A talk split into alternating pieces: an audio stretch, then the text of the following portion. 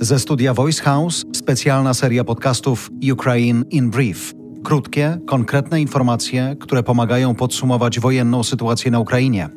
Wiadomości, które usłyszysz za chwilę, dotyczą 1 marca 2022 roku. Rosja w Hadze.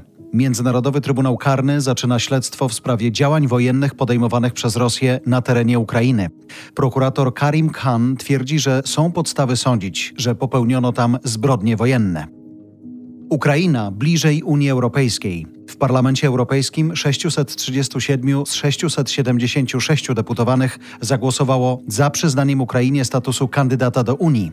Prezydent Ukrainy Wołodymir Żeleński dostał owację na stojąco w Parlamencie Europejskim. Walczymy o przetrwanie, mówił w czasie zdalnego połączenia.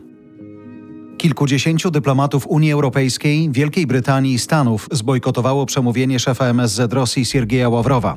Nagrał wideo, które zostało wyświetlone na prawie pustej sali. Dyplomaci po prostu wyszli, kiedy zaczął mówić o rzekomych nazistach w Kijowie.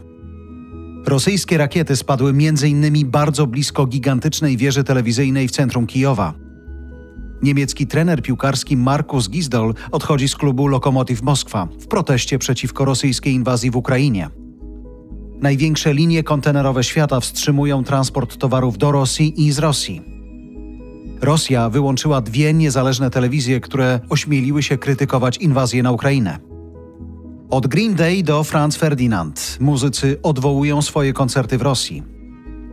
Hej Netflix, w domach w Polsce są już dzieci z Ukrainy. Żeby zaoferować naszym najmniejszym gościom nieco spokoju, pewnie można by im puścić jakiś film. Niestety obecnie na polskiej platformie nie ma żadnej bajki z ukraińskim dubbingiem albo napisami. Zróbmy coś z tym. Apelował tak na Twitterze Grzegorz Likę, a Kamil Sołdacki zaczepił Netflixa na LinkedIn. Reakcja przyszła szybko. Poniżej lista tytułów z ukraińskim dubbingiem. Fajnie, dzięki Netflix. Swoją drogą Kamil odpowiada za dźwięk w tym materiale. Bardzo dziękuję. To było Ukraine in Brief od Voice House. Wracamy jutro o tej samej porze.